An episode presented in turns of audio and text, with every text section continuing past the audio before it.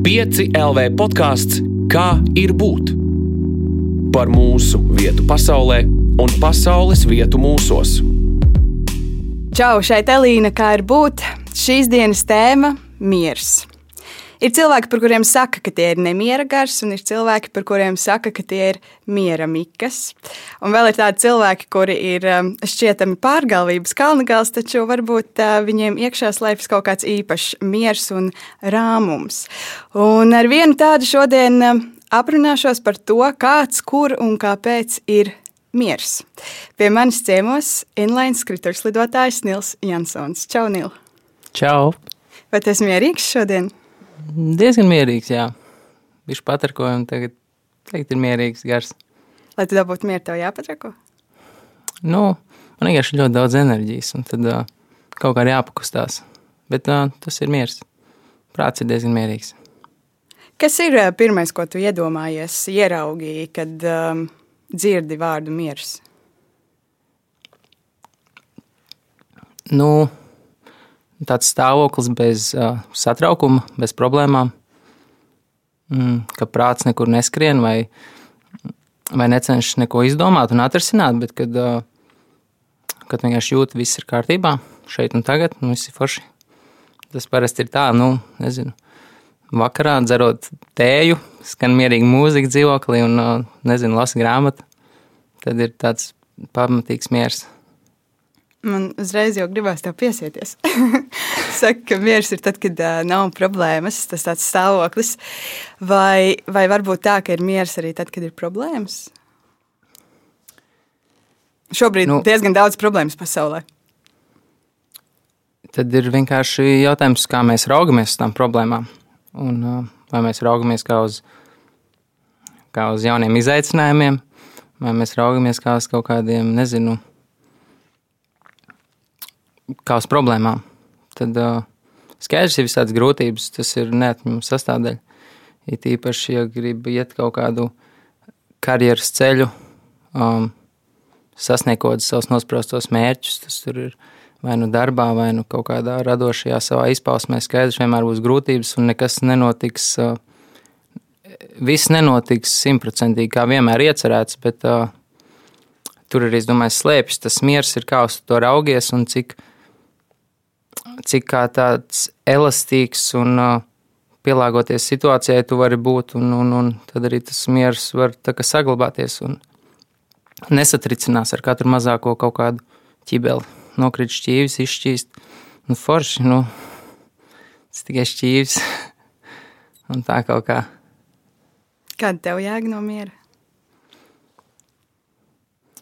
Nu, kad ir miers, tad man ir šķiet, ka es vienkārši skaidrāk uh, redzu, ko es daru un kur es dodos, un arī skaidrāk apzinos, uh, kur es esmu.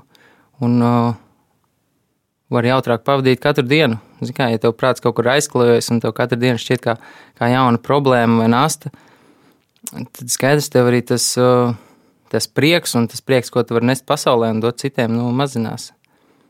Tā kā tas miers ir, man liekas, ļoti, ļoti svarīga lieta, pie kura katrs, katrs rod citu ceļu, bet svarīgi paturēt prātā, ka, nu, ka ja viņš ir, tad vienkārši vismaz es jūtu, ka es skaidrāk redzu, kur es eju un, un jā. Mēs pirms sākām sarunu. Es tev nedaudz ieskicēju to, ka domājot un gatavojoties šim podkāstam, mēs vispār pieķērāmies angļu vārdam stillness, Un, uh, mums bija ļoti sarežģīti atrast uh, tādu labu tulkojumu, tāpēc ka miers ir um, arī kaut kas, kas tajā ir iekšā, bet uh, tur, man liekas, ir kaut kas nedaudz vairāk. Kas tev ir miers, kas ir vēl tie vārdi, ar kuriem tu raksturo šo stāvokli? Mm. Nu, es jau teicu, pirmais noteikti nāk prātā harmonija. Tas ir tad, kad uh, viss ir īstajās proporcijās. Respektīvi, nav nekas par daudz vai kaut kas par maz. Jo tā es sajūtu, ka bieži sākās problēmas, vai nu tas ir veselības problēmas, vai kaut kāda apaugstēšanās, vai kaut kādas aizķeršanās darbos. Ir tad, kad, nu, tad, kad tu saproti, ka tu esi varbūt par daudz koncentrējies uz vienu lietu un kaut ko citu palaidis garām, tad, tad miers, es domāju, tad, kad ir tas balans un tad, kad tu spēj spēj tā plašāk raudzīties un aptvert to, to, to kopskatu, ko tu dari. Un, jā, tas ir, jā, nu, man ir tāds vienkārši arī sporta veids, kur brieži, bieži var šķist, ka es esmu pilnīgi, nu, tādā kā reidžā vai, vai cīnos ar, lai uztaisītu kādu triku. Un tur jau tu arī vienmēr saproti, kad, kad to mērķu sasniedz, tad, tu tomēr spēj atkal kā, nomierināt sevi, mierīgi ielpot, atgūt tādu mieru un tad uztaisīt. Jo citreiz tas process, līdz tu tiec pie tā trika vai, vai sasniedz mērķi, tu brīžam esi, tev, tev kaut kas skaitina, tev kaut kas, nu, visu laiku triggero un ved ārā no tavas pacietības mēra, bet tā kā tie panākumi parasti nāk beigās, tad, kad tu spēj atkal sevi savākt kopā un, un, un, un atgūt mieru, un tad atkal tu skaidri redzi, un gan tev labāk iztēle strādā, un tu vari visu izdarīt. Kā tu vispār, ņemot vērā to, ko tu dari ikdienā, kā tu menedžē savas emocijas, kas ir tie brīži, kad varbūt tu jūties nemierīgs, un ko tad tu dari, lai dabūtu to mieru? Es, es, es man liekas, esmu diezgan mierīgs. Daudz man saka, ka vienkārši, nu, kad citreiz, kurās situācijās, kā es varu vienkārši saglabāt mieru, bet. Mm, tu, tu domā, ka tas tā dabīgi piedzimts? Es, nē, es nedomāju. Es domāju, es, es esmu daudz ko darījis, un īpaši tagad daru visādus, gan tie rīta rituāli, gan vakara rituāli. Tur, un nu, bieži tā ir vienkārši elpošana. To var saukt par meditāciju, tad, kad tu esi mājās, bet bieži vien elpa. Uh, Mm, tev, tev atgriež pie pašreizējā brīža. Jo tas nemieris sākas, es, es saku, man liekas, tad, kad, tad, kad tu neesi klātesošs, tad, kad tu esi kaut kur aizskrējis un domā, ka tev tur ir jābūt, tad tev būs miers, vai arī tev kaut kas ir, nezinu, pietiekami daudz lietas jāizdara, lai tu, lai tu tad nokļūtu pie tā miera. Kaut arī īstenībā man tas tāds atgādinājums vienmēr ir ar elpu. Es varu atgriezties pie sava ķermeņa, saprast, kur es esmu, kas notiek, kā mans ķermenis jūtās. Un, jā, tas ir viens no paņēmieniem. Bet tas miers arī, nu, varbūt man citreiz rodas tāds nemieris, ja es vienkārši pie ilgi nosēžu pie datora. Tāpēc tas ir, tas ir, man liekas, mūsu ieradumi, kurus mēs, kas ir viena no grūtākajām lietām, ko cilvēks var darīt, ir mainīt savus ieradumus ikdienas. Un, Un, un, un viņam liekas, ka tas kaut kas vienkārši tā ir. Viņš vienkārši tādām īpašībām vai tādām ir no dzimšanas. Kaut arī īstenībā mēs to visu varam nedaudz mainīt ar visādiem ikdienas rituāliem un, un, un ieradumiem, lai vienkārši nezinu, mēs kļūtu mierīgāki. Nu, ja, ja šķiet, ka tu esi nemierīgs vai, vai, vai, vai kāds tur cīnās ar dusmu uzplūdumiem, tad elpa ir noteikti tāds pamatlieta, ko tu vari darīt. Kad tu saprati, ka ir jāmeklē kaut kādas metodes, lai, lai atrastu mieru? Kad tu tā apzināti tam pievērsies? Jo nu, es domāju, ka kaut kādā, kaut kādā mērā mūsos ir tādi automātiski procesi, nu, tāda paš, mm. pa, pašmierināšanās kaut kādās dzīves situācijās, kas mums nāk no bērnības līdzi, kas tāds instinktīvi.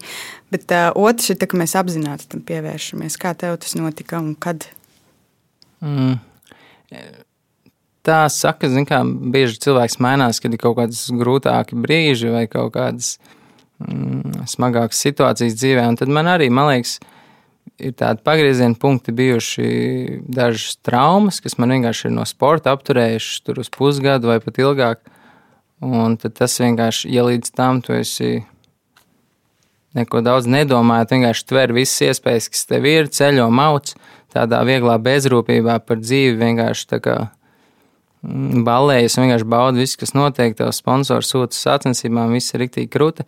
Un tad, kad tev bija tāda trauma, teiksim, nopietnāka, kurā 14. gadā, un, un, un, un tad es vienkārši sāku meklēt veidus, kā, um, kā izdziedēt savu ķermeni labāk, un tad es sāku mēģināt tur meditēt un, un meklēju kaut kādus tā kā dabiskākas un maksimāli vienkāršas metodes, kā es varu palīdzēt sev justies labi. Un, un bieži vien, man liekas, mēs aizmirstam, kad, nezinu, nākotnes slimība, kaut arī īsumā mēs varbūt par maz gulējuši, par maz ūdeni dzēruši, par maz kustējušies. Un tādas pamatlietas, kuras tev, tev tur nav nekādas zāles, iet pēc veika, uz veikalu, tu vienkārši pietiek ar 30 minūšu pastaigu, izdzert glāzi ūdens, mierā esot, un, un, un viss ir labi.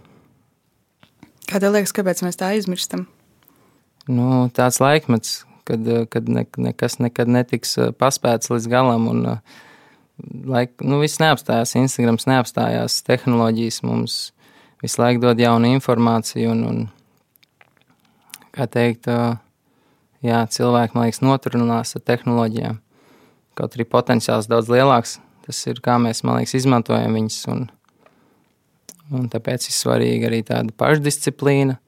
Ir īpaši, man liekas, mūsdienu jaunatnē uz sociālajiem tīkliem, jo viņi var diezgan viegli mūs notrūlināt. Es pats to dažreiz jūtu, kad, kad tāds Instagram detoks ir tas, kas varbūt dzīvē ir šeit vajadzīgs. Ja vienkārši tur ir tik daudz informācijas, ka tu jau īsti tu vienkārši apjūti, tu sāc apšaubīt visu, kas tu esi, kas tev būtu jādara, vai kas ir. Jo tur vienkārši tev visu laiku tiek tik daudz informācijas dota iekšā, ka tu, ka tu jau vairs nesaproti, kas tu esi un kas tev pasaulē jādara. Kad, kad, kad vienkārši tik viegli var atslēgties no tā visa un, un, un kā teikt, to mieru var atrast, man liekas, tad, kad tu klusumā vienkārši pasēdi viens pats ar sevi, nevis te, ka tu visu laiku mēģini kaut kur novērst savu uzmanību no, no, no sevis paša. Jā. Tas ir interesanti, ko tu saki, pasēdēt klusumā pašam ar sevi, jo man liekas, ka cilvēkiem mūsdienās ir bail palikt klusumā ar sevi. Mēs ļoti izvairamies no, piemēram, garlaicības stāvokļa. Mm -hmm. Jo tas liekas nenormāli diskomfortabli. Ir daudz vieglāk sēdi, gaidi pieturā, nevis vienkārši sēdi un gaidi pieturā, bet paņem to telefonu un skaties, lai tikai tā nebūtu kā garlaicīgi. Man liekas, cilvēki nu, visvairāk baidās ieraudzīt sevi patiesajā gaismā ieraudzīt savus trūkumus, savas problēmas, emocionālās traumas un, un visu to ieraudzīt un, un, un pieņemt. Bet man liekas, tad, tad, tad tikai tad mēs varam tā pilnībā brīvi. Kā teikt, ja jau tas ir mūsos pašos, mēs slēgti novēršamies no tā, tad jau tas nekur nepazūd. Un, un tāpēc man liekas, baigi, baigi svarīgi, īpaši šai laikā, kad, kad viss mainās, kad, kad mēdī nevis, nu, kad kad visa sabiedrība un cilvēki tiek vienkārši šķelti ar tik daudz viedokļiem, kad, kad uh, cilvēki aizmirst kaut kā, nezinu, saslēgties bišķiņi kopā un mēs rast kaut kādu vienu valodu, kad, kad viss tiek nodalīti kaut kādās, kurš kam tic un tik daudz viedokļu un tik daudz problēmas un kad cilvēki jau vairs paši nesaprot, kam ticēt, kas notiek. Jauniešiem ir depresijas un, uh, Un, un, un, jā. Tāds, jā, tā tēma tāda ļoti plaša. Un, jā. tā gan, man liekas, miers tas ir par visu, vai ne? Beigu beigās tas ir par dzīvi kopumā. Bet ir tāds teiciens, sēt mieru. Ja tev jāiedomājas, kā tev liekas, kāds izskatītos, kāds notiktu. Nu, tas ir tā, varbūt, ja tu gribi sev dzīvē mieru, tad tad tev būtu viņš arī jāvēro un, un, un jādod pasaulē tas miers. Tāpēc man liekas, tas arī ļoti svarīgi. Es arī, es arī ticu tam, ka, tas, ka mēs saņemam to, ko mēs esam vienmēr pelnījuši. Un, un nav tā, ka kāpēc es, par ko man tas. Es domāju, ka tas, ko mēs dodam, to mēs saņemam pretīm. Tāpat ir ar to, ar to mieru, ja mēs varam viņu vairot. Tad, tad attiecīgi mēs dabūjam to sajūtu atpakaļ sevī, ka mēs ka mēs dodam, un arī iekšā sirdī, man liekas, ir lielāks miers. Pastāstīja pavisam vienkārši, kāpēc tas krituļs līdz? Ļoti vienkārši. Um, uzvilku, kad man bija kaut kādi 9 gadi, un, un viss, no 20 gadus vēlāk es turpinu skrituļot. Nu, Galvenokārt pateicoties manam brālim, kurš, kurš sāka skrituļot, un es vienkārši gribēju darīt līdzi. Uh, to, ko darīja viņš. Vecāki vienmēr lika man visos sporta veidos pēc kārtas, jo bērnam ir jātrenējās. Un tad bija skrituļslošana, kur viss es uzaugu slidus un visa pasaule ir, visa pilsēta ir mans spēlaukums. Vai tas bērnībā bija pagalms, vai tā ir visa Rīga vai Jurmala. Tur nav tiesnesis, kurš saka, sākt, beigt treniņu, šis ir atļauts, tas nav atļauts. Tur viss bija manā ģerbos, kā es gribu. Un, un, un, un, jā, Tā kā tagad tas ir tā skrituļslošana, nu, tas, ir, tas ir dzīvesveids, un tie ir mani draugi, tas ir kā es redzu pilsētas ielas, un tas man ir iedevis visu, visu, kas man ir tagad un kas es pats esmu kā, kā, kā cilvēks. Iespēju iepazīt tik daudz jaunus draugus, kultūras, ceļojot pa pasauli. Un, jā, tā ir skaista lieta. Un pateicoties galvenokārt ģimenei un, un ģimenes atbalstam, es noteikti esmu tur, kur es esmu tagad. Īstenībā ļoti interesēs par šo nebija nekad laikam aizdomājis. Es, es esmu daudz domājis par pilsētvidi, par telpām, kā piemēram pilsētu redz mazi cilvēki, kādu pilsētu Jā. redz cilvēki, kas ir ratiņkrēslā, kā pilsētu redz veci cilvēki. Es nekad nebiju aizdomājusies, cik uh, droši vien atšķirīgi pilsētu redz uh, ekstrēmo sporta veidu piekritēji, kas ir tieši pilsētvidi saistīti. Noteikti. Tas ir, man liekas, uz visu atlikušo dzīvi. Es es redzu trepes vai margu vai kaut kādu apmalīti vai kaut kādu rampu. Tas uzreiz man saslēdzās, ka wow, tas ir spots, kur var kaut kādu triku uztaisīt. Un tas ir visforšākais, man liekas, kad, kad tev nav kaut kas sagatavots un pasniegts, kā teikt, uz paplātes, ka tas tā ir jādara. Šā, šādi izstāsta laukums, un tev ir jāmet tai grozā tā bumba, bet tā, tev ir tāds, ej, ej, un, ej un izdomā. Nu, kā gribi tā dari, nu, var šļūkt pa trubu tur no no otrā stāva kaut kur var, var šļūgt pa mazu apmalīti, kaut ko radošu izdomāt, izpaust savu stilu un, un visādas nianses, un, un tas, man liekas, tā beigas skaisti. Tas īpaši radošs sporta veids. Jā, absolūti. Ne, nu, kā teikt, ir runā kā par mākslu, vai ne? Tā ir. Nu, citi, teiksim, uz tādas skrituļslošana raugās pilnīgi no tādas mākslas un pašizpausmes perspektīvas, tāpēc uh, tas sports jau arī, viņš, nu, Galu galā tur ir sponsori, un tur ir kompānijas, un tur ir arī sacensības un viss tā tāda e, komerciālāka daļa. Un tā, tā sportiskākā treniņa un sacensības un sasnieguma, protams, bet tad pašā laikā ir, ir video filmēšana ielās, mūzikas pavadījumā, mūzika izceļ tev stilu, kustības, filmē triku, tu viņu taisi 50 reizes, līdz tu viņu uztaisi varbūt tā, kā tu gribi līdz tev rokas tur, kur tu, tu vēlēsies, ka tu tur, es, nu, ka tu spēj savu ķermeni pārvaldīt. Nu, tā ir tā slidošana, kad, ka tev nav tikai jāgūst punkti, bet ka tu, kā tu kontrolē un, un, un izpaudies ar savu ķermeni slidus kājās. Es domāju par to, vai skrituļslidošana ir vairāk kopīgs ar lidošanu vai ne vai slīdēšanu, un, un vai tu par savu dzīvi slido, lido vai slīdi? Tur viss, kā kurā situācijā vajag, var lidot, slidot, braukt, lekt. Tas ir tā, tā ir dzīve, un tas ir tas, kas mums ir jāmācās. Kad, kad nav jāiemācās viena lieta, un tad jāmēģina viņu pielietot visur, kur var, bet tas ir, ir dzīve, viss mainās, viss mainīsies, un tev ir jāspēj, kā teikt, gan jaunatklāt sevi, gan pielāgoties situācijām, jāzina, kad ir jālec, jāzina, kad jābūt mierīgam, kad ir jāslīd, kad ir jālido. Un, un tāpēc tā skrituļslidošana arī man tik daudz ir iemācījusi, man liekas, um, tā daudz plašāk arī skatoties uz dzīvi, kad daudz tie trīki prasa krišanu un, un gan emocionāli tas citreiz ir smagi, gan fiziski tas ir smagi, bet tu zini, ka, ko tas prasa, ja tu gribi sasniegt savu mērķi un ka tev ir uh, jāciena citi, ka tev ir jāciena tā vieta, kur tu taisi tos trikus, ka tu, ka tu neesi huligāns, bet nu, ka tu respektē, respektē cilvēkus.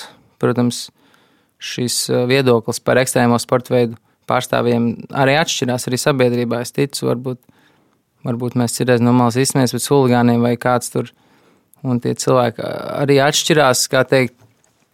Bet, uh, jā, es domāju, tas sporta veids man ir iemācījis uh, daudz kā tieši tik galā ar problēmām un saglabāt mieru un, un, un cienīt apkārtējos. Tas ir interesanti, ka tev saglabāt mieru iemācās kaut kas tik dūls. Jo, jo tur jau nav variantu. Ja tu neatradīsi mieru, nu, tu, tu, tu zaudēsi prātu vienkārši bļaujot un pārdot ar slidām tās trepas, jo tu vienkārši. Un tu to triku neuztaisīsi beigās, ja tu, ja tu nespēsi sev atkal savākt, kā teikt, kopā. Un tā tas ir parasti ka tev kaut kas sāk nesanākt, un to sāk besīt, un skaidrs, ka viss notiek ar vien sliktāk, un tad, kad Tāpēc jau tā vienmēr saka, mieru, mieru, iečulo, iečulo, un viss, viss būs kārtībā. Zin, tā, jau, tā jau tas arī ir. Bet, bet skaidrs, ja tu neesi tas čilīgais un to kāds saka, iečulo, tad, tad tas tikai triggero tā, un tev ir vienkārši. Jā. Tas nav īstais, man liekas, paņēmiens, jā, ko teikt. Ir vairāk jācenšas radīt to, to vidi, kurā tam cilvēkam, kurā tas cilvēks iečilos, nekā teikt tam cilvēkam, iečilo, nu, nomierinies. Nu, tas vienkārši... nav tikai sportiņš. Varbūt tu gribi tēju iedzert, varbūt, um, jā, ejam pastaigāties, nevis nomierinies. es iedomājos tādu nu, strīdu, jebkādās attiecībās, vienalga draugi, partneri, vecāki ar bērniem. Un, kad tev kāds ir tāds dusmīgāks, nu, tad pasaki viņam, tas nomierinies. Tas Jā. ir tikai uzliet, man liekas, kaut kāda degviela ugunskuram. Tas nav paņēmiens, kā nomierināt situāciju, teikt, nomierinies kādam, kurš ir aizsvielies pie viņiem. mm. um, tu pirms tam minēji par um, to, ka mums eh, nu, kaut kāda vēsta mēs nesam pasaulē ar to, ko mēs darām, ar savu ikdienu. Kas ir tā vēsts, ko tu nes ar savu ikdienu? Miera vēsts, mīlestības vēsts. Nē, nu es nezinu. Nu, es arī sev ik pa laikam cenšos uzdot šos jautājumus. Nu, kas tas ir, ko es gribu darīt? Skaidrs, es slidoju, un, un, un cilvēki es redzu, ka es varu iedvesmot arī jaunāku paudzi. Un, un tas viss ir forši, bet es domāju, ka mēs esam kaut kas daudz vairāk kā tikai savas, nezinu, profesijas pārstāvi vai, vai, vai nezinu, otrs pusītis saviem mīļajiem. Tāpēc es arī tā, cenšos uz savu dzīvi raudzīties tā brīžam plašāk un saprast, ej, nu, kur, kur, es gribu, kur es gribu nokļūt, ko es gribētu izdarīt savā dzīvē.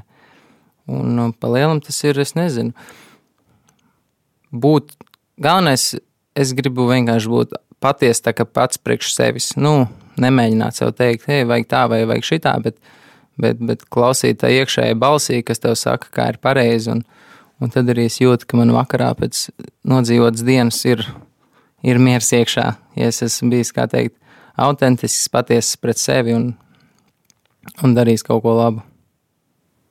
Man liekas, viens ir arī to vēsti, nu, dot caur kaut kādām darbībām. Tas, tas kā mēs to ikdienā varam darīt. Jā, nu, ka tu nevis, nevis saki savu sakāmo, bet dari savu darāmo. No tā cilvēki arī kaut kādā veidā uztver to domu. Bet iedomājieties tādu situāciju, ka tev ir iespējams pateikt vienu teikumu pilnīgi visai pasaulē. Bum, tagad. Mm.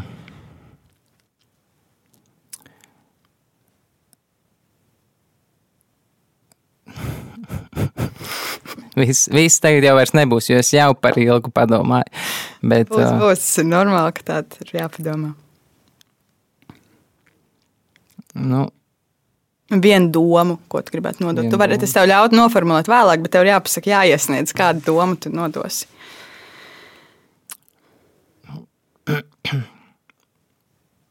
Es, es, tā kā es pacēlu to domu, tikai mēģinu noformulēt priekš sevis, un es viņu tā kā meklēju, un es domāju, tas ir, tas ir ilgs, ilgs, ilgs meklējuma ceļš, un, un nebūs tā, ka dzīve ir kaut kāds viens stāvoklis, pēc kura tu tiecies, un tad viss ir atrisinājies. Es domāju, tas noteikti ir, tas ir maratons, ir jāmācās raudzīties ilgtermiņā uz visu to.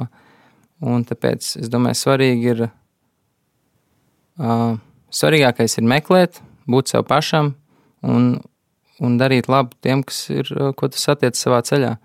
Tā kā, ja ir kāds, ko es varu satikt un izrādīt kādu labestību, tad es, tad es to arī daru. Un es nezinu, man liekas, tā pasaule vienkārši būs labāka, ja mēs mācīsimies sev to atgādināt. Man patīk, ka tu teici uzreiz, ka tev tā būtu miera vēsts. Tad, kad es tev prasīju par to, kāds ir tavs vēstījums, tad iedomājos, ja tu būtu miera vēstnieks un tev būtu šajā dulajā laikā, um, kad pasaulē ir ļoti liela saspīlējuma, ne tikai tāda nu, fiziski, visādas mums ir problēmas. Uh, ekoloģiskas, un uh, mums ir pandēmija un viss kaut kas cits, bet mums ir arī tādas nu, emocionālas problēmas, attiecību problēmas mm. uh, cilvēkiem. Uh, kā mums kā sabiedrībai saglabāt mieru tik lielu saspīlējumu un satraukumu laikos?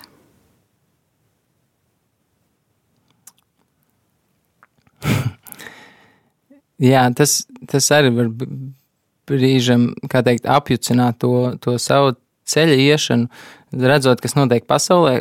Var, var sajusties vienā brīdī, kad viss ir tik slikti, un kāda jēga vispār ir no, no kaut kā iet ārā un vispār kaut ko darīt. Mm, tāpēc es nezinu. Izlasīju Stevens Hawkings grāmatu tikko, un viņš noslēdz grāmatu, kamēr vien ir dzīvība, ir cerība. Un, un es domāju, tas ir svarīgākais uh, kaut kam ticēt un, un saglabāt to cerību, kad, jo, ka var darīt kaut ko lietas labā. Un, un es domāju, bieži vien arī es un visi aizmirstam, kad, uh, kas mums ir dots un ko mēs varam darīt. Mēs koncentrējamies, kādi mums ir trūkumi un kas mums ir slikti un ko mēs nevaram mainīt.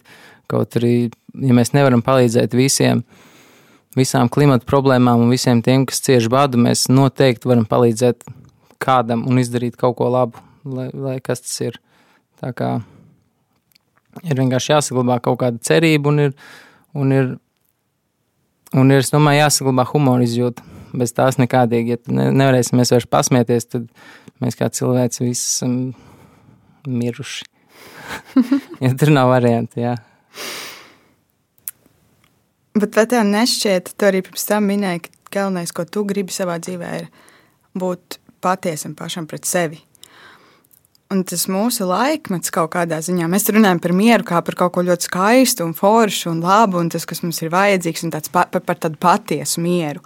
Bet uh, nav kaut kā bišķiņa mie, miers komercializējies šajā pasaulē, ka tas ir kaut kā bišķiņa um, nu, pārspīlēts kaut, kādā, kaut kādās nezinu, sabiedrības grupās. Tu, ne, tu neredzi kaut ko tādu. Nu, es, pat, es pat nezinu. Tas var būt, ir, ir vienkārši galējības. Visā ir galējības. Mēs izvēlamies iet miera ceļu, tas nenozīmē, ka mums uzreiz ir jākļūst par, par hipijiem un vispār neko nezinu.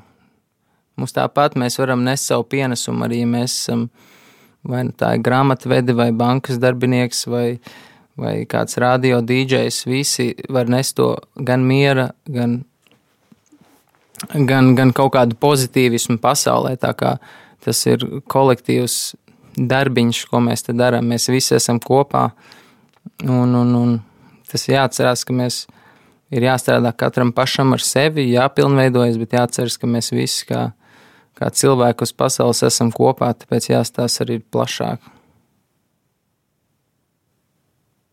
Es esmu skatījusies kaut kādus uh, joku uh, postus Instagramos un citur, kur ir apmēram no sērijas, ka, nu, lai tu saglabātu mieru, tev ir nezinu, jāpamostās no rīta divas stundas agrāk, jāizdara šitais tas, tur kaut kādas, nezinu, 20 lietas, kur, kam tev jāieliek ķeksīts, un tad būs mierīgs, bet tev ir tik daudz jāizdara, lai tu būtu mierīgs, ka tev jau rada nemieru tas viss, kas ir jāizdara, un ja tu nopirksi šito, tad tu tiešām būsi mierīgs, un šis tev palīdzēs mm -hmm. īpaši dabūt mieru. Kā tu uz to skaties? Uh. Jā, tas ir la, teikt, um, labs skats uz to, jo, jo var ar, ar konkrētām darbībām var, teikt, veicināt savu mieru, ja tu vienkārši nospraud. Es pildīšu tikko savu elpošanas vingrinājumus, meditēšu, tad es lasīšu grāmatu, tad man būs tējas ceremonija un bam, bam, bam, un tev būs miers. Un, un to tā var darīt, un es, un es domāju, ka mēs arī mieru varam sasniegt tad, kad mums ir disciplīna. Un, un vai, tā, vai brīvību mēs varam sasniegt arī tad, kad mums ir disciplīna. Un bieži vien vienkārši mums pietrūks disciplīna, lai, lai mainītu sevi un lai darītu kaut ko tiešām lietas labā. Ja mēs sakām, ka kaut kas ir slikti, man tur nemieris vai kaut kas, tad vienkārši pietrūkst, pietrūkst citreiz disciplīnas, piecelties agrāk un tiešām izpildīt kaut kādas vingrinājumus. Un galvenais ir meklēt to, ja tu jūti, ka kaut kas nav riktīgi, tad galvenais ir meklēt un meklēt informāciju. Nevis ticēt pirmajam, ko tu izlasi, bet nu, apšaubīt kaut kādā ziņā visu, ar kritisko domāšanu pieiet visai tā informācijai, gan ko tu YouTube skaties. Skaidrs, ka visam nevar ticēt, bet lasīt un meklēt un pielietot savā praksē un pārbaudīt, kā tu jūties. Un, un kaut kas ir, jo, jo neviens nav pirmo reizi uh, neiet cauri kaut kādai depresijai. Ir tik daudz cilvēku, kas ir gājuši cauri visādiem brīžiem. Kā, es domāju, tas arī jāatcerās, ka tu neesi pirmais, kurš ir tādā, nezinu, leju, nu, zemā posmā savā dzīvē, jo, jo mēdz būt visādi. Un, un ir jāatcerās, ka ir vienkārši jāturpina meklēt un meklēt kaut kādas iespējas, kā tikt no turienes laukā. Jo, Citādāk jau nav variantu. Jā. Kas tev ir disciplīna un kā tu sevi disciplinē? Hmm.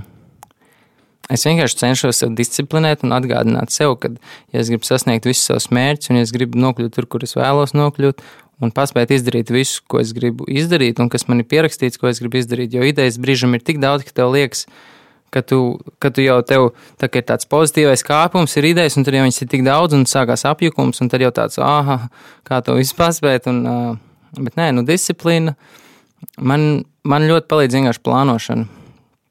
Pierakstīt gan savā kalendārā, gan savos pierakstu kladē, ko es gribu izdarīt, cik es ko gribu izdarīt.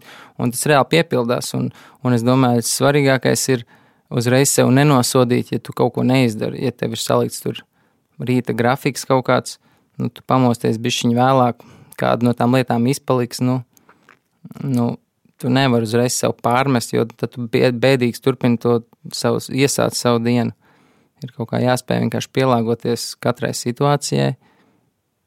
Un, bet tā disciplīnas lieta, es saku, man ļoti pēdējā laikā, nu, pēdējā gada laikā palīdz pierakstīšana un plānošana. Tātad, ja disciplīna ir atslēga kaut kādā mērā arī uz mieru, tad var, un plānošana ir atslēga uz disciplīnu, tas nozīmē, ka beigu beigās plānošana arī ir kaut kādā veidā saistīta ar mieru. Jā, viņi, viņi noteikti var vienkārši palīdzēt justies mierīgākam vakarā. Pierakstot, tu, tu redz tās lietas, ko tu gribi izdarīt, kas tev ir jāizdara Tu vari varbūt pārkārtot savas prioritātes un dienas vidū neapjukt, kas tev tagad ir jādara.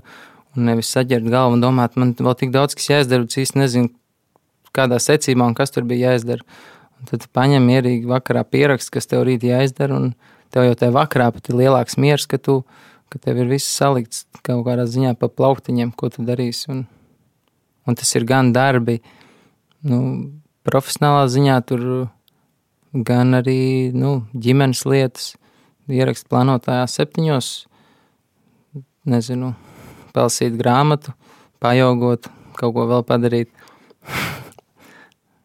Desmitos tur, nezinu, iet pastaigāties. Tā. Man liekas, ir bieži tā, ka ja nav uzrakstīts iepriekšējā vakarā kaut kādas nu, lietas, kuras, piemēram, nākamajā dienā ir jāizdara, vai vienalga, kur, tad ejot gulēt, prātā sāk kā, mocīties pa galvu visas tās lietas, kuras nedrīkst aizmirst. Nu, galvenais no rīta neaizmirst izdarīt šo, galvenais no rīta Jā. neaizmirst izdarīt to. Bet, ja tev tas ir uzrakstīts, jau tad tu vari iet gulēt ar mieru, ka tu mhm. neaizmirsīsi no rīta. Tev pat, tev pat tā doma vairs nav, jo tu viņas pierakstīs. Un tu jau esi pilnībā atlicis uz rītdienu, jo, ja tu rītā atvērsi to plānotāju, tu redzēsi tas, tas, šitas, un, un, un viss būs kārtībā.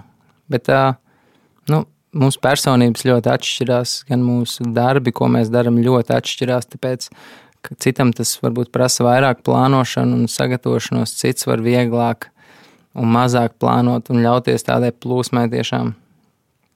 Piemēram, ja tu esi kaut kāds pasaules apceļotājs vai ja tu esi Kārls, kurš airē apkārt pasaulē laivā, tad, tad dziļāk tu tur nepierakst pa stundām nākamās dienas grafiku. Tu, Varbūt tieši ir jāpierakst, jo es iedomājos īstenībā, nu, skatoties uz tevi, man gribētos arī teikt, ka tu jau nu, ka tu tā plūsti. Jo tomēr cilvēki, kuriem ir piemēram 9, 5, viņi zina, ka viņiem ir 9 jābūt darbā, viņi līdz 5 strādās, viņi aizies darīs to. Viņiem uh, kaut kādā veidā viņa profesija jau ir uzlikusi diezgan lielu rāmi tajā dienai. Tev nav tāda rāmja uzlikta no malas. Jā, Tev pašam viņš jārada, vai ne? Bet nu, tur arī nu, mums raksturi atšķirās, un viens var pilnīgi kā teikt, sākt luni laist un vispār nesaprast, ko, ko viņš, kas viņam ir jāizdara. Un, un, un man tas ir plānošana, man palīdz kaut kādu disciplīnu saglabāt un, un vienkārši virzīties uz priekšu, sasniedzot tās, tās kaut kādas idejas un mērķus. Bet arī tiem, kas strādā no 9 līdz 5, man liekas, tas ir vēl jo svarīgāk, jo tas laiks brīvais, nu, ne, neteiksim brīvais, bet ārpus darba ir vēl ierobežotāks, ka, ja tu gribi tiešām paspēt Vai tas ir no rīta aiziet paskriet un izvest suni un uztaisīt tur kādam brokastis ģimenē, tad tas arī viss lasa, prasa plānošanu, gan lai, gan lai tev vakarā ir miers, gan lai ģimenē harmonija un tur neviens nestrīdās un uh, visi darbi ir izdarīti, miskast iznest. Un, uh, Nav nevienam jāsaka, nomierinies. Nomierinies, viss kārtībā. Kā tu vispār skaties uz šiem interesantiem laikiem? Mēs, kā ir būt, diezgan daudz runājam par, par pandēmiju, par klimata krīzi, par ļoti daudz arī tādām nu, cilvēktiesību problēmām, kas joprojām, neskatoties to, ka nu jau ir 21. gads, um, ir ļoti daudz sasāpējis. Kā tu vērtē šo laiku pasaulē? Tas ir mierīgs, nemierīgs, uh, galīgi dūls. Kas notiek vispār apkārt? Mm. Nu, grūti vispār. Nu, jā, plaši skatoties, liekas vienkārši, kad, kad cilvēks ir sākus kaut kādā atpakaļceļu ceļu savā, nezinu, intelekta attīstībā. Un, un ir vienkārši nu, skaidrs, ka ir vienkārši liels pārmaiņu kaut kāds posms sācies. Un, ja cilvēki ir tik nemierīgi, tad skaidrs, ka, ka lietas tā daudz lietas mainīsies. Vienkārši diezgan tuvā nākotnē es jūtu. Īpaši viss šī pandēmija ir kaut kāds pilnīgs jaunums, un, bet varbūt mēs vispār nezinām tiešām aizmirstam, kad varbūt mēs esam pie daudz kā vainīgi pie tā, kas notiek vispār pasaulē. Un cilvēkam liekas, kāpēc tā, es jau biju pieredzējis tur komfortiņā, šitā viss bija kārtībā. Un tagad viss, nezinu, tur darba laika mainās, veikaliem viss ir, viss ir citādāk. Kaut arī varbūt mēs visi kolektīvi esam pilnīgi brutāli vainīgi, nezinu, pie, pie vīrusa vai pie kurām cilvēcības problēmām, ka mēs aizmirstam vispār nezinu, līdz cilvēkus, un ka mēs cent, cent, uz sevi tikai skatāmies, uz kaut kādām savām ego izpausmēm, un kas mums jāpaspēj sasniegt. Tāpēc uh, ir grūti. Nu, vispār nav, man liekas, pat iespējams prognozēt, kas būs pasaule pēc 50 gadiem. Būs, man liekas, pilnīgi, pilnīgi cita vieta, gan ar tehnoloģijām, kas nāk iekšā. Tāpēc uh, tas, ko mēs varam šodien darīt, mācīties ir pielāgoties laikam un saprast, kad, kad lietas mainīsies un viss būs citādāk. Es tieši domāju par to, ko tu saki, ka mēs, nu, mēs ieraugam pašu to savu vainu kaut kādā mērā šajā situācijā. Ka ir daudzas lietas, kuras notiek, un mums gribās kaut kā automātiski teikt, ka tas ir pilnīgi nenormāli. Bet varbūt īstenībā mm. tas ir pilnīgi normāli, ņemot vērā visu, kā mēs rīkojamies. Nu, piemēram, mūsu attieksme pret vidi. Uh, nu, mums nevajadzētu teikt, ka kaut kādas uh, tur ekstrēmi klimata mm -hmm. notikumi, ekstrēmi laika apstākļi ir nenormāli. Jo tas ir Tieši normāli tā. skatoties uz visu to, kas notiek kaut kādā cēloņa sakarību ķēdē. Jā, jo nu jā, cilvēks, es teiktu, jā, ir kā tāds lielākais vīrus šīs pasaules, un, un kaut kā mums ir jāmaina. Sākot ar sevi pašu, nu, skaidrs, ka mūsu pasaule apkārt, ko mēs redzam, nemainīsies ja mēs paši neveiksim izmaiņas sevi un, un kā mēs pamainīsim kaut kādu savu redzes lauku, vai paplašināsim, vai uzņemsim jaunas zināšanas, tad mēs varam mainīt sevi un kaut kā iesaistīties. Nevis lai vēl vairāk radītu gan šīs globālās problēmas, bet kaut kā iesaistītos un būt daļai no tā, kas uh, palīdz nākotni darīt labāku. Un skaidrs, tās ir klimata problēmas, tas ir piesārņojums, tas ir bats un visas šīs problēmas. Ar dažiem politiskiem lēmumiem viņas visas varētu atrisināt, bet nu, skaidrs, kamēr tev viss ir kārtībā, nu, jau, mēs jau tikai par to varam runāt. Bet, uh... bet kā tad rast nu, spēku? Motivāciju tiem individuāliem lēmumiem, ja ir tā kā tu saki, ka ir pāris lēmumi, kuriem vajadzētu tikt pieņemtiem mm. kaut kur augstāk un būtu jau labāk. Uh, kur tad, ko tad es, nu, ko es mazais savā dzīvē, ko es te ņemšos, uh, ja patiesībā ir uh, kāds cits, kurš var uzreiz visu sakārtot? Nu, vienkārši, jā.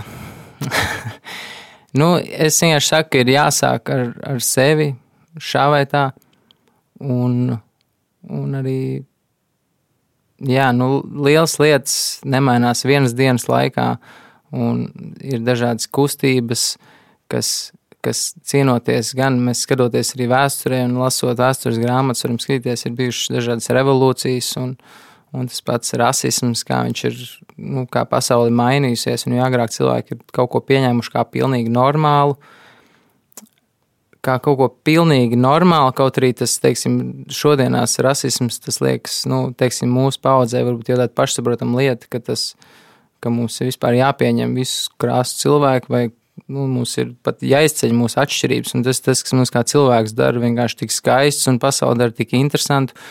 Un tas ir liekas, vienkārši tāds intelekta ļoti zems līmenis, ka mēs sākam kaut ko vērtēt kā labāku vai sliktāku, vai sevi vērtēt kā gudrāku, kā kaut kāds tur dzīvnieks, vai, vai, vai viņš ir stulbāks.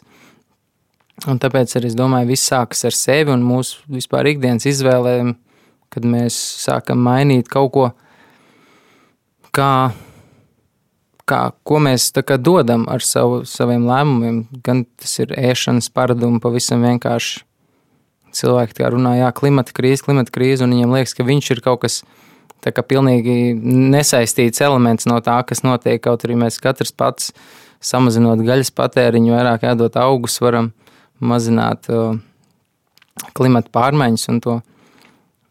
Un, uh, jā, braukt vairāk ar riteni, un tās vienkārši lietas, kuras, kuras jo vairāk cilvēki to dara, jo mainās arī vairāk sistēma, man liekas, un tas viss veģetārs, vegānisks pārtikas piedāvājums veikalos, nu, viņš ir krasi audzis un, un kā teikt, arī piedāvājums palielinās, un, un tā pasaule lēnām mainās. Bet tas mainās dēļ tā, ka kāds ir izdomājis kaut ko darīt citādāk, tad viņam pievienojās vēl citi cilvēki, un, un tad kopā tas ir vienkārši spēks, kas kaut kā maina tās izvēles. Skaidrs, ka vienmēr būs ļaunums un kāds, kurš grib tikai sev un, un ar savām izvēlēm, kā teikt, tikai post. Un, Bet vienmēr būs arī tie, kas ies to pretējo ceļu. Tad nu, mums jāizvēlas, kurā pusē mēs gribam būt un kaut ko darīt.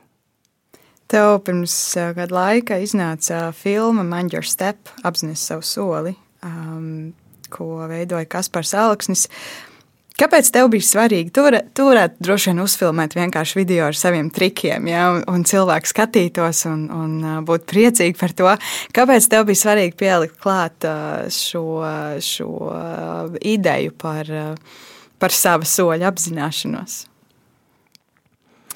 Nu, Kaspars, protams, ir filmas veidotājs, un, un ideja bija viņa galvenokārt pievienotā vērtība tam, kas parasti ja mēs redzam tikai mūsu kā, industrijā un kultūrā, tos trikus un mūziku, tad šeit pievienotā vērtība būtu parādīt to, kas, eh, kas katrs silotājs ir par personību.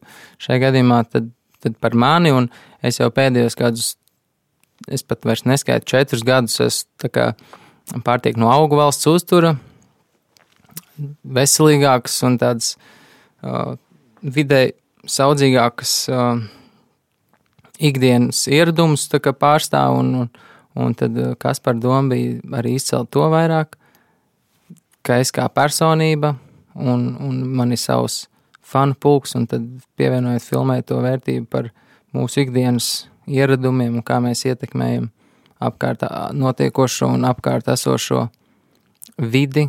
Un, uh, tas vienkārši jā, likās likās svarīgi, ka mēs varam gan parādīt tos skaistos, trakos, iespējīgos trikus, bet pie reizes nest kaut kādu augstāku vērtību, kas ir ārpus mūsu, mūsu sporta veida, mūsu kultūras un ar kas, kurām mēs jebkurš katrs esam, teikt, iesaistīti. Un, un pie reizes tas bija kaut kas jauns. Tā kā jauns izaicinājums braukt uz taizem, filmēt kaut kādu citu pilnīgi konceptu filmu. Tas vispār diezgan daudz braukājis pa pasauli apkārt un, un redzējis dažādas kultūras, sabiedrības vietas, lietas.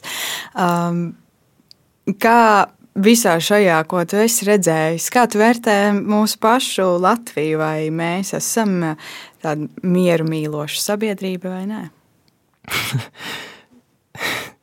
ne, nu, Latvija, nē, Latvija vairāk saistās ar tādu nedaudz īgņumu.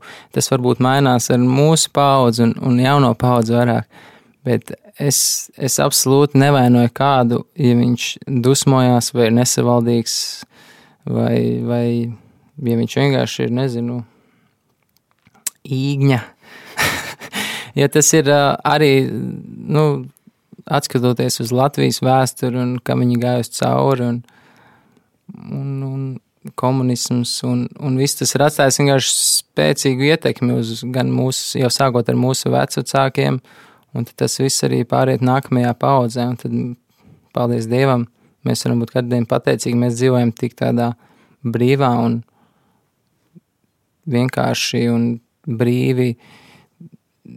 Tādā pasaulē, kur var vienkārši un brīvi sevi izpaust visdažādākajos veidos. Un, un, un, un tas vienkārši tas kaut kā mainās, protams, bet skaidrs, aizbraucot uz tā zemi, tur cilvēki šķiet tās vērtības, viņi ir, viņi ir daudz pazemīgāki, pateicīgāki, priecīgāki arī, pat ja viņi ir pavisam, nezinu, trūcīgi. Un, un, un ka jā, nedaudz vienkārši tās vērtības, pēc kurām tu dzīves tā kā bagātību vērtē, ka tas var būt nav tikai finansiālais labums, kas varbūt ir mūsu grādos un, un tas karjeras un viss stabilitātes un komforta nodrošināšana, bet ka tas laimes eh, un dzīves kā, bagātību viņi vērtē varbūt pēc tā, cik, cik daudz viņi var dot savai kopienai, savai ģimenei un, un, un tāda, cik daudz labestību var dot. Protams, arī reliģijas visur atšķirās, un, un tas arī spēlē, kā teikt, lomu tajā, kā, kādas kultūras un kādi tie cilvēki ir dažādās pasaules vietās. Tāpēc tā izmē arī tas budisms tomēr tur ļoti izplatīts, un, un pat ja tie cilvēki nav visi reliģiozi, tad tomēr tas kaut kā izpaužas viņos jau vēsturiski, kad viņi ir tādi vienkārši miermīlīgāki un jā, vienkārši mierīgāki, nedaudz kā, kā latvieši un nedaudz priecīgāki. Arī ir forši aizbraukt uz Spāniju un Itāliju, kur tu redz veci pensionāri katru vakaru tur iziet, visi satiekās parkā un vienkārši, nu, viss ir riktīgi skaisti, un tad skaties Latvijā, tur citreiz ir skumji, jo tie cilvēki ir vieni paši, viņiem nav neviens. Un, un, un, jā, tas tā noslēgšanās sevi, un nedod Dievs pastīties kādam acīs sabiedriskajā transportā un vēl pasmaidīt, tad tas man liekas normāli, jā. Kad mēs nevis tikai kaut kādus savus tuvākos ielaižam sev, bet, nu, mēs varam būt draugs jebkuram, ko mēs satiekam, un tur nedomāt, ja, ka viņš ir kaut kāds šitāds, vai viņš tur kaut ko sliktu man grib, un un kaut kā tā, bet jā. Tu minēji par tām paudžu atšķirībām, ka nu, kaut kas jau mainās. Kā tev liekas, kas ir tās lietas, kas varbūt ir visvairāk mainījušās? Ja tev vajadzētu uz, uzteikt kaut kādu uzslavu jaunai paudzei par to, ko viņi ir veiksmīgi pamainījuši savā domāšanā, salīdzinot varbūt ar, ar vecāku paudzi. Mm. Es pat nezinu, jo ir tik daudz arī labs, ko es, no, nu, ko es esmu no saviem vecākiem paņēmis. Un, un visas tās lietas, jau minētās, kā, kā disciplīna un, un savas prioritātes zināt, un, un kārtot savus plānus un, un sasniegt savus mērķus. Un, un savukārt mūsu paudzē tad varbūt citreiz aiziet tai, tai otrā galējībā, un tāpēc es domāju, tas ir balans. Un nav tā, ka kaut kādi tie ar vecāku domāšanu ir slikti. Nu, Mums vienkārši visiem ir kaut kāds tas apvārsnis, ko mēs zinām un redzam, un tāpēc ir, ir labi, kā teikt, neieciklēties tikai tajā, ka tev liekas patiesība ir tas, ko tu zini vai esi izlasījis, bet būt tam atvērtam arī, ka kāds tev var pateikt pilnīgi citu viedokli. Un, un tas pats par, teiksim, ir vienzimumu laulībām, kad ir cilvēki tur dalās, ir, nē, tas nav pieņemami un tas ir pieņemami, nu, tur ir, um, man liekas, tas ir, tas ir viens no labākajiem, kas ir mūsu jaunā paudze, kad uh, viņi pieņem atšķirīgus cilvēkus, nu, pieņem citādi domājošus, pieņem citas rases, kā pilnīgi, kā pilnīgi pašsaprotam lietu, kad mēs visi cilvēki, visiem var būt iespējas un visiem, kā teikt, visi ir cilvēki, kā teikt, pelnījuši, nu, ka viņus var cienīt un Es tieši nesen klausījos vienu podkāstu, kur bija Brenē Brauna un Parks Obama runāja. Viņam bija intervija atsaucoties uz, uz viņu sarakstīto grāmatu. Viņi runāja par tādu konceptu, kurus tagad centīšos latviešu kaut kā noformulēt. Bet tā pamatideja bija tāda, ka tas ir nenormāli liels spēks tajos cilvēkos, kuri spēj pieņemt dažādus viedokļus vienlaicīgi. Respektīvi, nevis pieslieties kādam un pateikt, tas ir pareizi, tas ir nepareizi, bet ka viņi saprot, ka tāda ir tā pasaule, ka pasauli veido ļoti daudz dažādu viedokļu, ļoti daudz dažādas tās patiesības, mm -hmm. kā mēs saucam, un ka tajā ir tas spēks. Nu, tā ir. Jā. Man liekas, tas ir tas, kas mūs sašķēla, kad mēs kaut ko pasakām ļoti strikti, ka kaut kas ir pareizi un kaut kas ir nepareizi.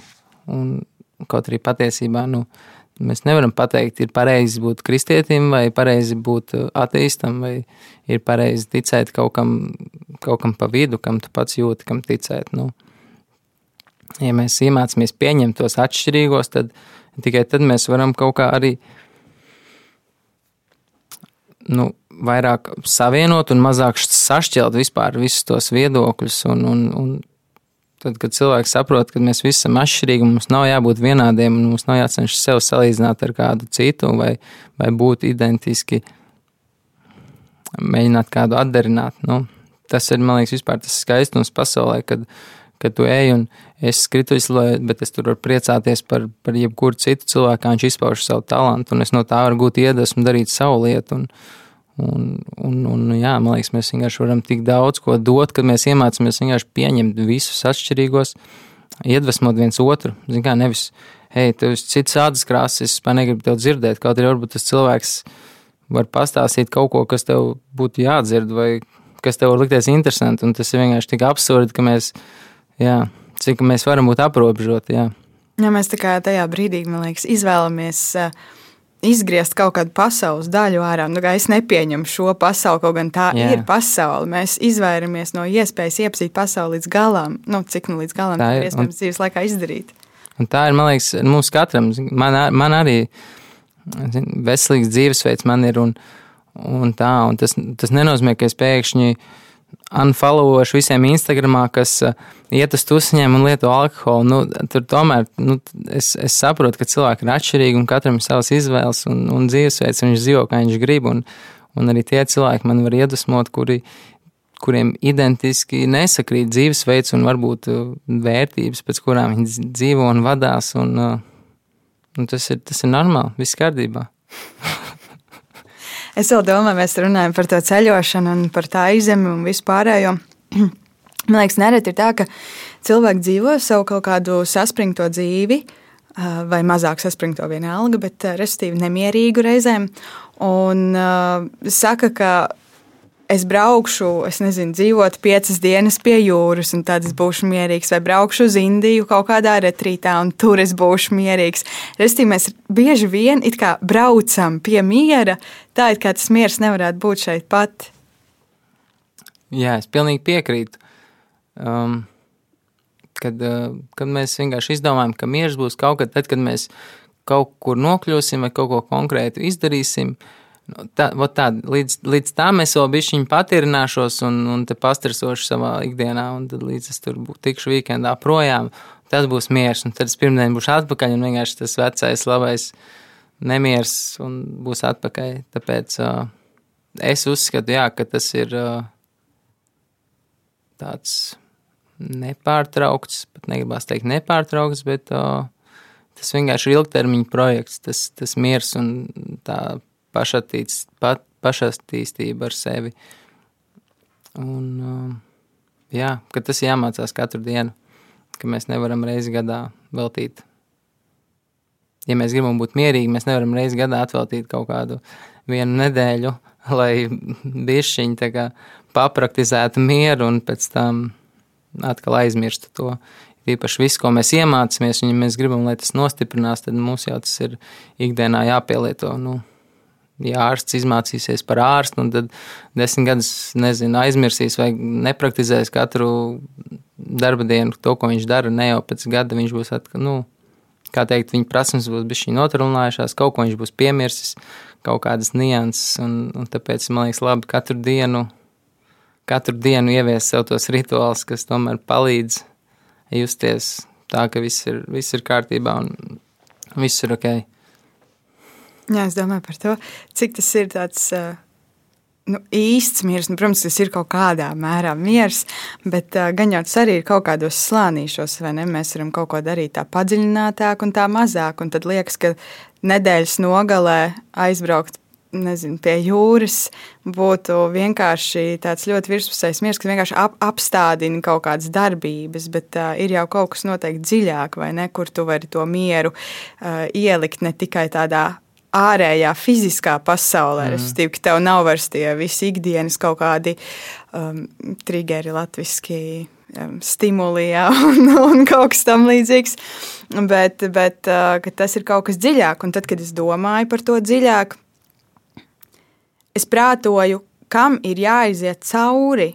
Lai nonāktu pie tā dziļāk. Jo daži saka, ka ir nu, jāiziet cauri, es nezinu, kam nu kuram bailēm, vai tai pašai nezinu, garlaicībai, bezspēcībai. Vai to arī kaut kam esi gājis cauri, lai nonāktu pie tā dziļākā miera, ne tikai tāda fiziskā, fiziski redzamā miera? Nu, jā, viss pa lielam, viss, visa mana dzīve ir vienkārši, kā teikt, bijis kaut kāds notikumu virkne līdz tam, kur es esmu nokļuvis. Un, un skaidrs, ka mēs izaugam no pilnīgi maziem bērniem par jau tādiem saprātīgiem cilvēkiem un domājošiem, tad jau mēs sākam izvēlēties arī, ko darīt un, un kā justies. Un, un tāpēc ir svarīgi nu, meklēt kaut kā un, un saprast, kas ir tas, kas tev liek konkrēti justies. Un, un, ja tu aizmirsti vispār, kur tu dodies, tad varbūt tu vienā dienā atopies nu, galīgi tur, kur tu laikam neesi gribējis būt. Pilnīgi nemierīgs, uh, pilnīgs besis, nevar pagulēt un, un, un viss slikti. Tāpēc ir svarīgi saprast, kur tu gribi nokļūt, un, un, un katram ir kaut kas, kas, kas palīdz vai nu, vai nu atgūt to mieru katru vakaru vai katru rītu. Bet, kā jau mēs runājām, mēs esam tik atšķirīgi, ka nevajag kaut kādas pilnīgi identiskas metodas pielietot nu, nu visiem.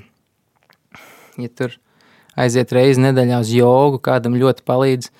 Tas vienkārši brīnišķīgi, bet nu, viņam vienkārši nevajadzētu teikt, ka, ka tas ir atslēga katram. Nu, es domāju, ka katram tas ceļš ir pilnīgi atšķirīgs. Un, un vienkārši jāturpina meklēt. Katrs atrod sev vispiemērotāko. Bet, tā ļoti, ļoti, ļoti paspēlējoties ar uh, vārdiem un, uh, un mieru. Uh, ja mieru varētu nopirkt veikalā, nu, iedomājieties, tik absurdu realitāti, uh, kā tev liekas, uh, kas to ražotu, kāds tas izskatītos, tā iepakojums, piemēram, un uh, cik tāds maksātu? Tas būtu noteikti vienkārši miera programmatūra, kur tu savam čipam uzinstalē un viss ir, viss ir fine ar mākslīgā intelekta palīdzību, kā teikt, sakārto visus procesus. Bet es domāju, arī nākotnē nu, tehnoloģijas mums var ļoti palīdzēt, un tā pašā laikā viņas mums var vienkārši aizvest pilnīgā postā visu pasauli, un viss ir atkarīgs no tā, kā mēs to pielietojam. Tāpēc, jo mieru jau var nopirkt. Var nopirkt dažādas aplikācijas, kas tev palīdz pildīt elpošanas vigrinājumus, kas tev palīdz meditēt, kas Spotify, tur var uzlikt meža skaņas. Tas arī ir, tas var būt tavs miers. Nu, tas ir, jā, tas tā relatīvi. Tā nebūs visdrīzāk tablete, ko tu apēdi un jūties mierā. Varbūt aizmies, bet tas nebūs tas miers, kad, kad pamodīsies, viss būs atpakaļ vecajās sliedēs. Jā, tas, tas atkal tā fizis, fiziskās pasaules miers. Es beig, beigās, laikam, jā, saprotu, ka tas stilnes, par ko mēs sākumā runājām, varbūt atšķirās ar to, ka tas vairāk asociējas ar iekšējo pasauli tieši. Jo miers, nu jā, miers, miers var būt ļoti fizisks. Mēs varam skatīties uz ainavu un teikt, nu, šī ir mierīga, te nekas nenotiek, tāds mierīgs. Bet ir, mēs jau reizēm varam būt tādā mierīgā ainavā un justies absolūti nemierīgi iekšā. Mm, tā ir. Nu, tas ir, man liekas, ļoti saistīts ar viņu mūsu emocionālo pasauli. Ja mēs kaut ko turam ilgi sevi, vai mēs kādam kaut ko pasakām, tur kādreiz aizskarošu, tad, tad mums tāpat būs grūtāk iegūt to mieru, ja mēs iesim pastaigāties un turpināsim pie sevis pārdzīvot par kaut ko, ko mēs esam izdarījuši vai pate, pateikuši. Tāpēc man liekas, tas arī ir viss viens no tiem svarīgākajiem miera aspektiem, ka tas nav kaut kāds ārēji vide, kurā tu sevi ieliec, un tur, un tur tas miers rodas bet tas ir tieši sevis, savas iekšējās pasaules, bišķiņa tāda pakārtošana un salikšana pa plauktiņiem. Tas varbūt citreiz tev nav miers, tāpēc, ka tu esi aizmirsis tur, nu, piezvanīt kādam draugam un uzprasīt, kā viņam iet, bet varbūt tu pat esi aizmirsis, ka tas varētu būt vispār iemesls, kāpēc tev, tev nav tāds miers. Nu, tāpēc es saku, es kā teikt, problēmas sākas no tā, ka cilvēks nevar mierīgi klusumā pasēdēt un, kā teikt, pabūt ar sevi. Bet tev tādā dzīvē, ja tev nebūtu tās dullās dzīves daļas, kur, kur tu vari kaut kādā veidā būt nu, fiziski nemierīgs, ja, lēkāt un slīdēt un slidot, lidot, ja, kā mēs runājām, tu varētu būt mierīgs. Vai, es domāju, vai ir vajadzīgs nemieris, lai varētu būt miers? Nu, nē, es domāju, tas ir, tas ir tā kā tas miers ir tāds iekšējais stāvoklis. Tad es domāju, nav atkarīgs, ko tu dari un, un kādi ir tavi izaicinājumi. Tad ir, respektīvi, vai tu esi gājis uz to, lai tu esi mierīgs, vai tu tam neesi pievērsis uzmanību, un tad tu esi nemierīgs neatkarīgi no tā, ko tu dari. Un, un es jūtu, ka tagad nu, es, es varu būt mierīgs, eh, darot jebko. Nu, citreiz tas, jā, varbūt, ka tu sev bišķiņ par daudz uzliec kaut kādu nastu, un, bet tie savā ziņā ir atkal vislielākie izaicinājumi, ka tu vari pārbaudīt savu mieru un, un, un saprast. Un, un nevajag jau sev vainot, ka tu, ka tu varbūt brīžam zaudē to mieru vai pasaki kādu skarbāku vārdu, ka tev kaut kas nesanāk. Nu, tas, tas viss ir normāli. Jo man liekas, nav labi turēt sevi to, kas tev tā kā nāk laukā, un tad apspied, nē, es esmu mierīgs, viss ir labi, un tev iekšā tur vienkārši vārās. Nu, tas jau nav labi. Tāpēc tas ir būt, būt patiesam pret sevi un saprast, kā tu jūties. Un tagad tu saproti, kā tu jūties, tad jau var skatīties dziļāk, kāpēc tā jūtos, kas man lika tā justies. Un varbūt tur jau nāk kaut kādas, nezinu, kā teikt, mums visiem ir problēmas. Un, uh, Un vienkārši labi, kā teikt, viņas censties kaut kā risināt, nevis novērst ar ārējām lietām, ārējām darbībām un kaut kā visu laiku savu uzmanību. Tuvojoties noslēgumam, tu esi daudz stāstījis gan par to, ko tu dari, gan to, ka katram ir sava metode. Nu, iesaki mums, ko pamēģināt no tām metodēm. Neskot, ka tā ir, tā ir absolūtā patiesība, bet, ja nu kāds meklē mieru un, un nezina, ar kuru pusi tagad sākt. Um, es ieteiktu fiziskas aktivitātes un elpošanas vingrinājumu man liekas, tas iet roku rokā. Kad uh, jā, mūsu organismā notiek tik daudz visādi interesanti ķīmiski procesi, gan kad mēs sportojam, gan kad mēs vingrojam, kas, kas var vispār uzmundrināt, uh, uzmundrināt mums garu un tiešām uh, ļaut daudz pozitīvāk un priecīgāk skatīties uz lietām. Un tad uh, ir arī daudz meditācijas vingrinājumu, kas, kas var vienkārši palīdzēt būt mierā ar sevi un kaut vai uz brīdi saprast, kas notiek tavā ķermenī un uzdot sev kaut kādus jautājumus. Tāpēc es nezinu, es, es galvenais iesaku vienkārši meklēt, meklēt un eksperimentēt un, un nekam nepieķerties pārāk nopietni. Viss var būt diezgan relatīvs, visas teorijas, ko mēs lasām, tāpēc meklēt, pārbaudīt, eksperimentēt un, un pār visam vienkārši priecāties. Un, nu, kaut kas sanāk, forši kaut kas nesanāk, nu, arī var vienmēr pasmieties par situāciju. Es saku, galvenais ir meklēt, jā. Ko šovakar darīs sava miera labā? Šovakar, aha, vismā bija plāns iet uh, distanču slēpēm paslēpot. Oh, wow, dolo putani. Ļoti labi. Man liekas, man liekas, es vienkārši jā. Sniega daudzums beidzot?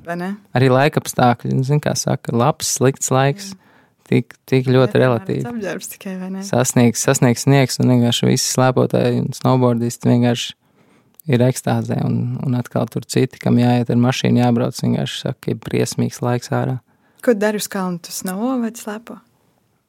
Um, es slēpoju. Bieži gan nesanāk, tā kā mums tās ziemas tādas, kādas ir, bet šodien būs jāuzslēpo, jo arī tās ceļojumi tuvākajā mēnesī divos un baigi neplānojas.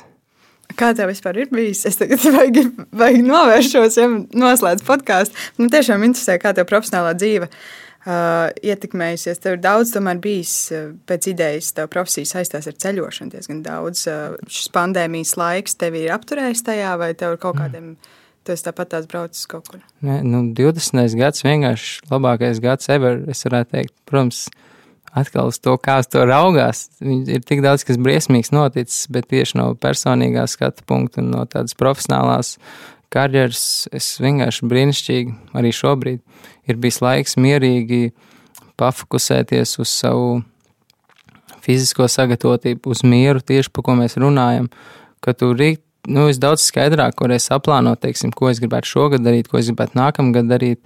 Un pat ja izpalika daudz ceļojumu, mēs daudz projektus radījām šeit, pat Latvijā. Visādi gan online konkursu sasniegumi ir, ir plūkti lauri daži. Un, un, jā, es teiktu, ka bijis brīnišķīgs gads. Šobrīd viņš, viņš mēdz brīžam nākt tādiem depresīvākiem viļņiem, kad tu sēž pie datora un skatos, kā Kalifornijā saulīt, vienkārši viss ir perfekti.